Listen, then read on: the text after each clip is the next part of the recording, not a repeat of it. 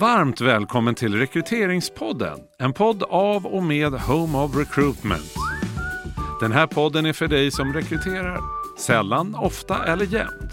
Här får du tips, idéer och råd. Allt för mer rättvisa och träffsäkra rekryteringar. Välkommen till ännu ett avsnitt av Rekryteringspodden. Idag är det jag, Josefin Malmer, som sitter här och jag har framför mig en gäst, Tove Dahlgren från Allbright. Hej, kul att vara här. Hej, kul att ha dig här. Varmt, varmt välkommen. Eh, jag läste en rapport från er här för en tid sedan. Eh, Allbright är ju en partipolitiskt obunden stiftelse som eh, arbetar för jämställdhet och diversifiering på ledande positioner i näringslivet. Och varje år så släpper ni då två rapporter. En rapport som tittar på hur det ser ut med jämställdheten i börsbolagens eh, styrelser. Mm, ledningsgrupper. Ledningsgrupper, ja. ledningsgrupper. Eh, och sen en som djupdyker inom ett mer liksom, specifikt område. Precis. Och den här senare rapporten kom jag över och tittade i. Och den handlar om hur det ser ut och hur det är ställt med de här frågorna på, hos techbolagen. Mm, stämmer bra. Stämmer bra. Och det här var både väldigt spännande och också väldigt skrämmande, tyckte jag. Bland annat så kan man läsa i den här rapporten då att endast två techbolag av de här 14 Mm. som ni har tittat på har en jämställd ledningsgrupp. Och på linjepositionerna så finns endast 12 procent kvinnor. Mm. Och dessutom uppger var femte medarbetare att befordringar fördelas eh, orättvist. Precis. Det är hårresande siffror. Från en bransch som ändå nog gärna slår sig på bröstet som, som progressiva och nytänkande, inte minst inom mångfalds och diversity-området.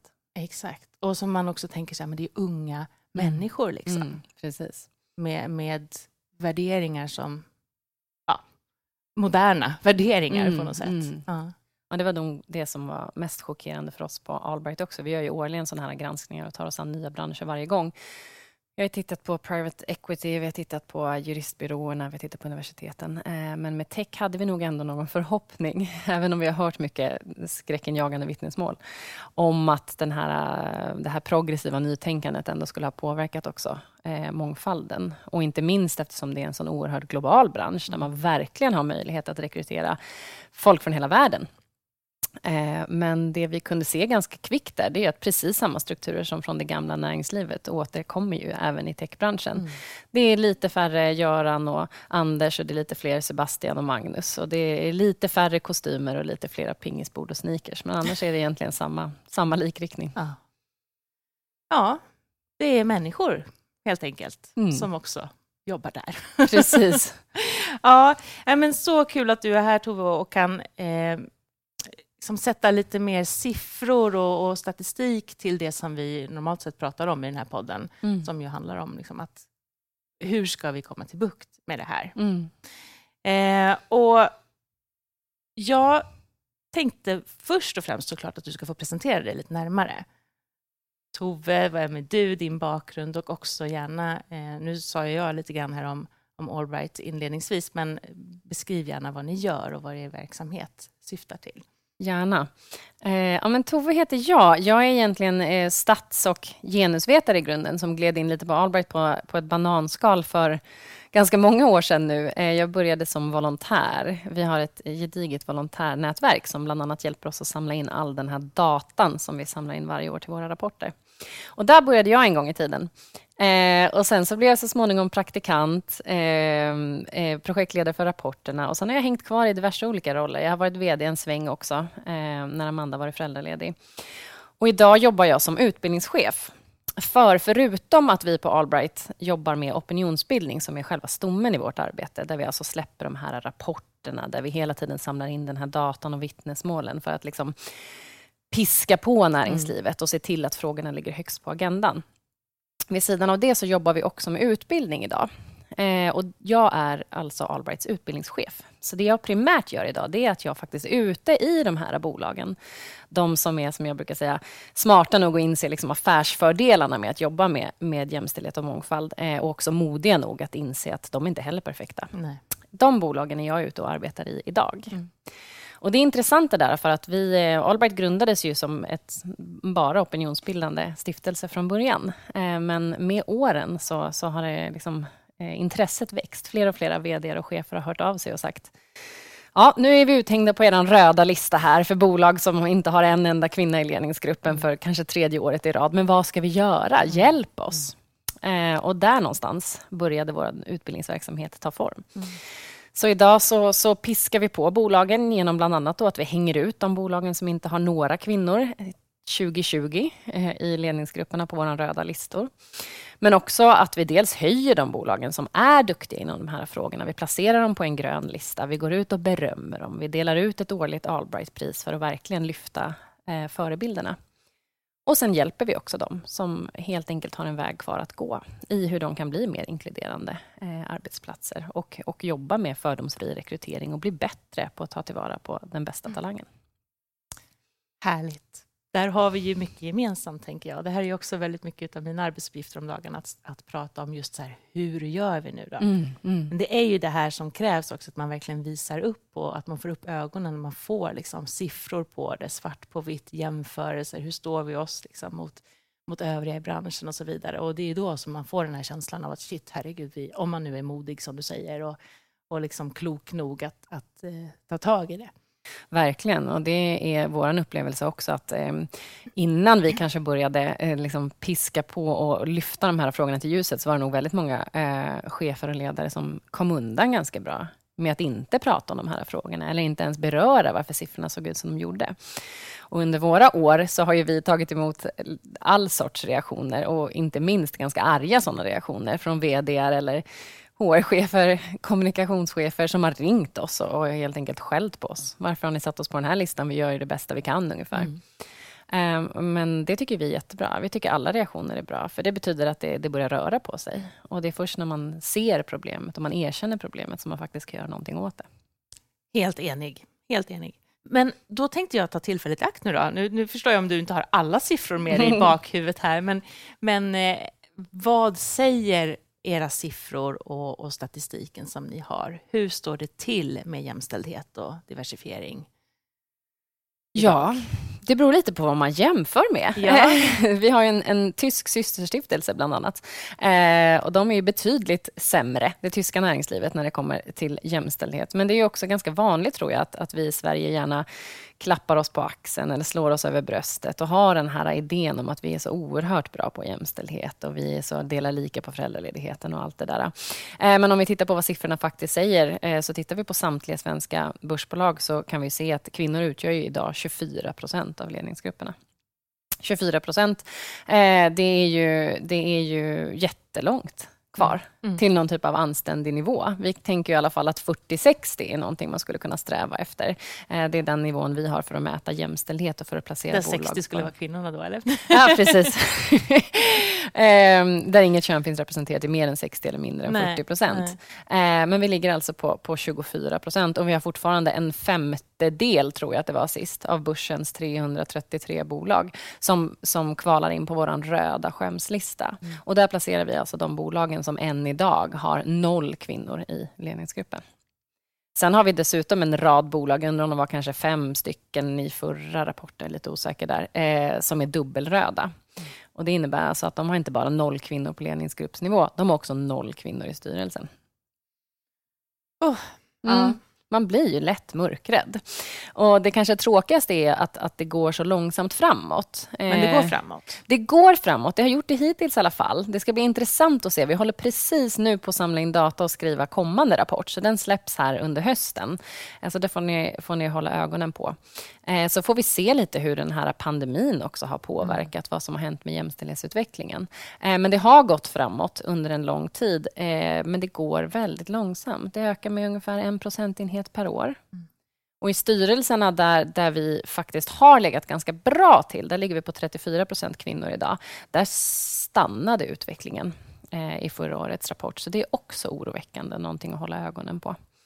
Eh, så, så det går sakta, sakta framåt, men det går alldeles för långsamt. Vi kan inte lita på att tiden ska lösa det här problemet. Vi måste ta tag i frågorna aktivt. Mm. Vad tror du är anledningen till att det går så långsamt? då? Jag tror att det finns en massa anledningar. Mm. Eh, en av de problemen tror jag att vi fortfarande har det här som vi på Alberg brukar kalla för Anders-kretsloppet. Alltså att vi under väldigt, väldigt, väldigt många år nu har kunnat se att Anders är det vanligaste namnet. Han är jättevanlig i ledningsgruppen han är jättevanlig i styrelserna och han är dessutom väldigt vanlig i valberedningarna. Så det betyder ju då att vi har en Anders som kanske gärna sitter i en intervju mitt emot en annan Anders och tänker gud vilken härlig kille och som i sin tur rekryterar ytterligare en Anders. Mm. Eh, helt enkelt att vi har en massa personer som fortsätter rekrytera kopior av sig själva. Eller för den delen att man kanske letar i sina egna tajta nätverk, mm. folk man känner från universitetet eller kårtiden eller som man känner från golfbanan eller vad det kan vara. Eh, så jag tror fortfarande i Sverige att vi har ett stort problem med kompisrekryteringar eh, och också att vi, vi bär på idéer om att om jag är kompetent nog för rollen så måste min ersättare eller nästa person jag rekryterar vara väldigt lik mig. Mm. Och Det tror jag är ett problem som drabbar kvinnor eller andra minoritetsgrupper. Personer som helt enkelt inte passar in i den här Anders-normen. Mm. Helt klart. Men tror du att Anders gör så här medvetet? Eller är det, liksom, är det tidsbrist, eller är det okunnighet, eller är det liksom bekvämlighet? Jag tror att det finns en massa anledningar, men, men alla de som du nämner till ja. exempel. Eh, jag tror att bekvämlighet är, är, en sån sak. Eh, jag tror att vi fortfarande alldeles för ofta går på den där magkänslan. Eh, vi vill att det ska kännas härligt och gött i magen när vi träffar på honom. Vi vill att samtalet ska flyta på bra. Och mm. då har vi också en tendens att lura oss själva till att tänka att det här kommer bli bra. Mm. Eller den här personen är kompetent nog för jobbet. Vi blandar helt enkelt ihop vår upplevelse av en person med, med den personens faktiska, faktiska kompetens. Mm. Eh, sen tror jag att jättemycket handlar om okunskap också. Att vi helt enkelt inte vet hur våra fördomar och kanske mest våra omedvetna fördomar fungerar och hur pass de faktiskt präglar oss när det kommer till att välja en kandidat. Mm. Eh, så jag tror att det finns många olika anledningar. Jag tror också att tidsbrist är jättevanligt. Eh, det, det ser jag absolut, speciellt när jag är ute och jobbar i, i sådana här tillväxtbolag där man verkligen har, man kanske har tagit in kapital och haft ett stort behov av att rekrytera väldigt, väldigt fort. Då letar man på snabbast, lättast möjliga sätt i de små, tajta nätverken. Och så fortsätter man bara rekrytera folk som påminner mycket om en själv. Mm. Absolut. Jag eh, har ändå upplevt att väldigt många, när de får kunskapen till sig, blir mm. väldigt lättade mm. av att känna att det finns, det finns alltså sätt, det finns verktyg, det finns metoder, det finns en struktur som kan hjälpa mig att fatta bättre rekryteringsbeslut mm. än de som jag vet eh, vilar på min mage. Liksom. Mm. Så att många upplever ju att det blir så här, ah, gött, mm. nu vet jag hur jag ska göra. Så jag, jag, jag håller med dig om, om, att det är väldigt mycket okunskap också. Mm, verkligen. Men det här med tidsbrist då, då kommer vi ganska osökt in på, tänker jag, eller det gör vi ju kopplat till alla de här sakerna, men kring den här rapporten då som jag har framför mig här nu, mm. eh, som handlar om techbolagen, där jag i alla fall tänker att det är väldigt mycket det. Alltså det är liksom bolag i stark, stark tillväxt mm. så, som har vuxit massor, massor. Mm. Eh, jag tänkte att jag skulle, jag tycker nämligen att den här är så fantastisk och den är, den är skriven på ett så, sånt sätt som får en att känna en massa saker och det gillar jag väldigt mm. mycket. Jag tror att det är det som krävs också väldigt många gånger. Jag vet inte riktigt vilket jag ska välja, men, men, för det finns så mycket här. Men eh, en av de sakerna som står här nu då i, eh, i den här rapporten, som jag också kommer lägga upp länken till i, i eh, avsnittsbeskrivningen, tänker jag, så att alla kan hitta den. Eh, så här står det då, och det är Amanda Lundeteg som är VD hos er, som, som har skrivit så här. Techbolagen är experter på att knäcka kod, men mångfaldskoden har de fortfarande kvar att knäcka. Att vita män dominerar innovationsteamen har redan fått konsekvenser.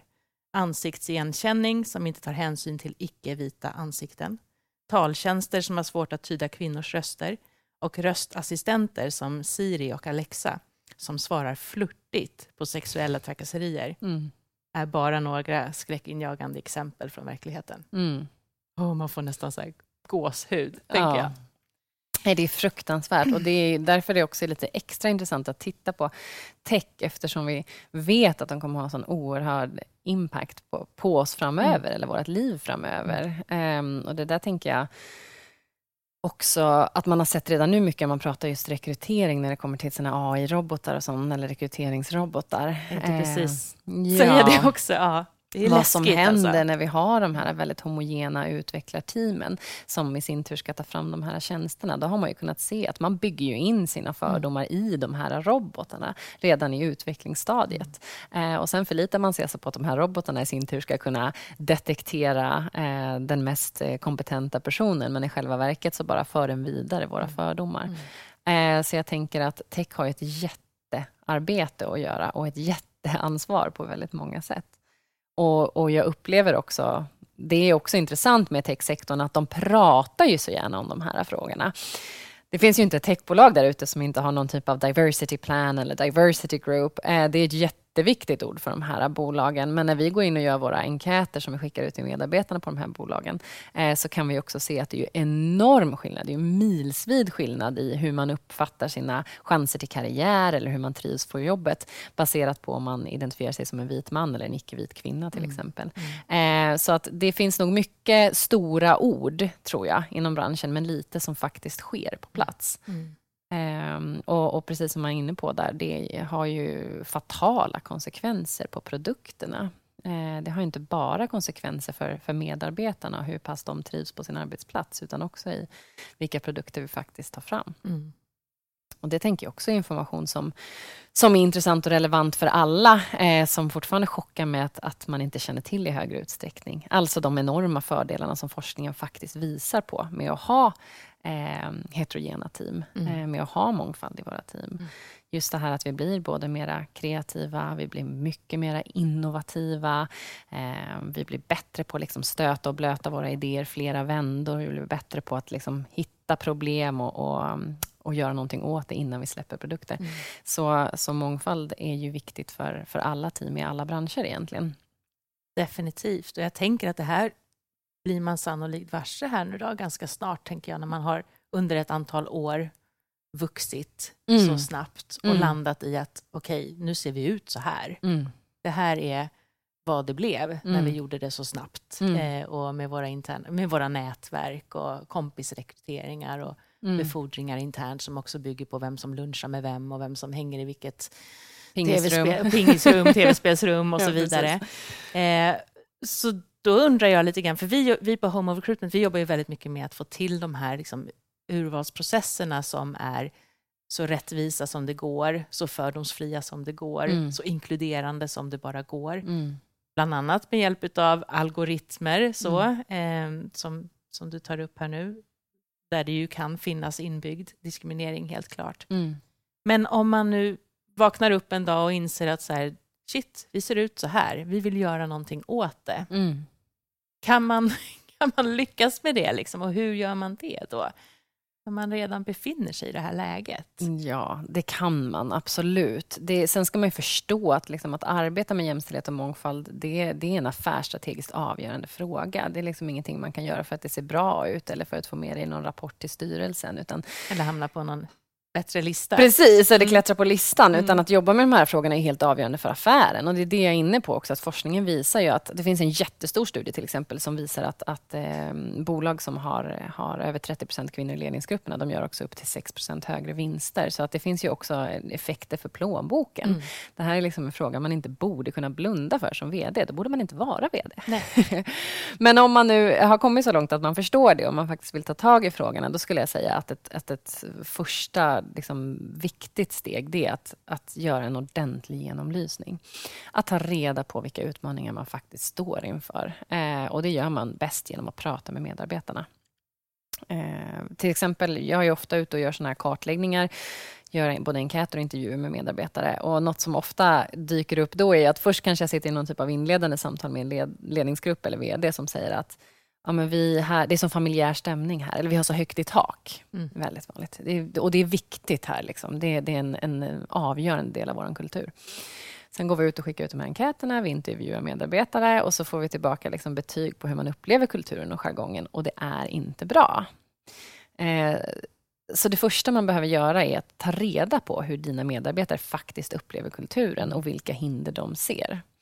Och Det handlar också om att man inte bara, som många är benägna att göra, kopiera insatser som man har läst om eller sett att andra bolag gör, bara hoppa på någon typ av trend. Det här med att skapa kvinnliga nätverk skulle jag säga är en typisk sån ja. trend som har funnits ganska länge. Eh, och Det behöver inte alls vara det som är problemet i just ditt bolag. Ni kanske har problem snarare om, som vi var inne på, vilka som vilka som har tillgång till cheferna mm. genom att de hänger i tv-spelsrummet till exempel, eller hur jargongen är på fikarasten eller vad det nu kan vara. Så börja med en ordentlig genomlysning skulle jag säga, ta reda på vilka utmaningar ni har. Och sen någonting som jag tror att alla, alla mår bra av att göra, det är också att utbilda sig. Mm. Alltså att lära sig om det här med fördomar. Inte bara när det kommer till rekrytering, utan kulturmässigt ja. också. Ta reda på, men hur ser mina fördomar ut? Vad bär jag med mig in i de här rekryterings och befordringsprocesserna? Hur bemöter jag mina medarbetare eller kollegor? Beroende på till exempel kön eller bakgrund. Eh, lära oss att, att identifiera när våra fördomar kliver in mm. och på så sätt också hitta sätt att, att stoppa dem. För det är ju så sorgligt och väldigt eh, dumt, tänker jag, om man lyckas, vilket vi ibland kan få till, liksom, förändra en rekryteringsprocess, förändra mm. en urvalsprocess, var vi syns någonstans, hur vi inleder urvalsarbetet, vilka som är involverade i intervjusituationerna eller i andra delar där man faktiskt gör bedömningar. Mm. Och lyckas faktiskt få in en mer mångfaldig eh, liksom medarbetargrupp mm. eh, än vad man är van. Men sen så har man den här kulturen på plats som de möts utav. Och så slutar de. Liksom. Mm. Så jag tänker att har man liksom redan kommit dit, att det ser ut som det gör, så tror jag det är än viktigare såklart, mm. att man verkligen jobbar med att lyfta de här frågorna kring hur ser vår kultur ut och hur gör vi nu då när vi faktiskt jobbar med att förändra den. Absolut. Och, och, det ser vi ju jättevanligt också. Det är ju många bolag som hör av sig till oss och säger så här, men vi förtjänar inte att vara på era röda listor, för vi har tittat vad mycket mångfald eller jämställdhet vi har på ingångsnivå. Mm. Eh, och så säger vi, ja men hur kommer det sig då att ni inte har en enda kvinna i ledningsgruppen, till exempel? Eh, och det är ju helt enkelt så att man kanske är bra på att, på att synas ute bland studenter, eller man kanske tilltalar en liksom, mångfald bland sökande. Men när folk är på plats, då har man en sån kasskultur, att man liksom läcker talong, talang, talanger som ett såll. Ja. Eh, och det är ju inte bra för affären eh, och det är inte bra för medarbetarna och kulturen.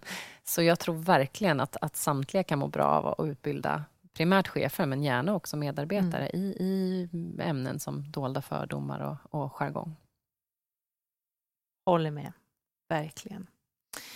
Eh, och slutligen då, då den som har lyssnat på, på våra poddar har ju fått många tips kopplat till det här, men jag är jättenyfiken på era tips också, det du lyfter kopplat till just rekryteringsarbetet. Mm.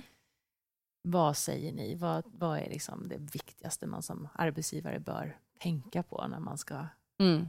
lyckas attrahera, rekrytera, faktiskt välja ut eh, på ett bra sätt? Ja, och det vet ju både ni och era lyssnare jättemycket om. Eh, det finns ju hur mycket olika insatser som helst att göra.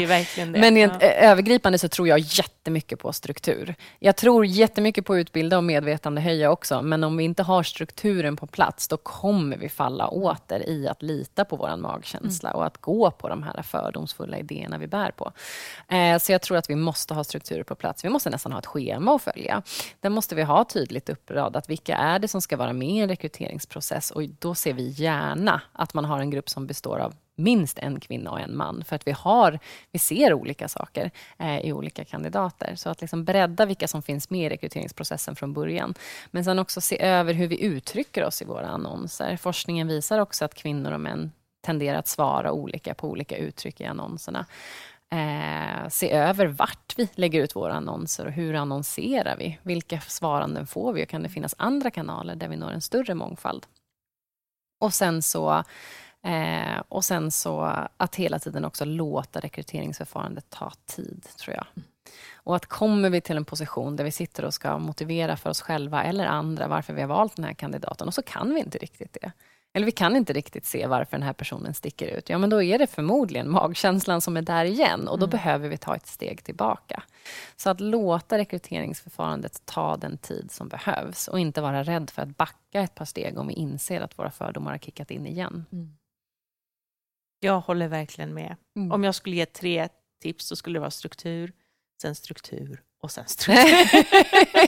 jo, men jag tror det också. Ja. Vi måste ha det konkret framför oss, annars, Ja. annars drar den mänskliga hjärnan iväg. Ja. Och Det är också viktigt att veta att, att vara fördomsfull eller att bära på fördomar, det är ju supermänskligt. Mm. Det gör vi ju allihopa. Och jag tror att ett viktigt första steg är att våga erkänna det för sig själv. Jag är inte fördomsfri.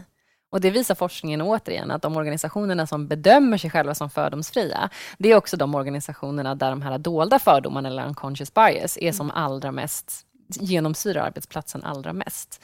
För så fort vi börjar säga att nej, men jag bär inte på några fördomar, då slutar vi också leta efter dem.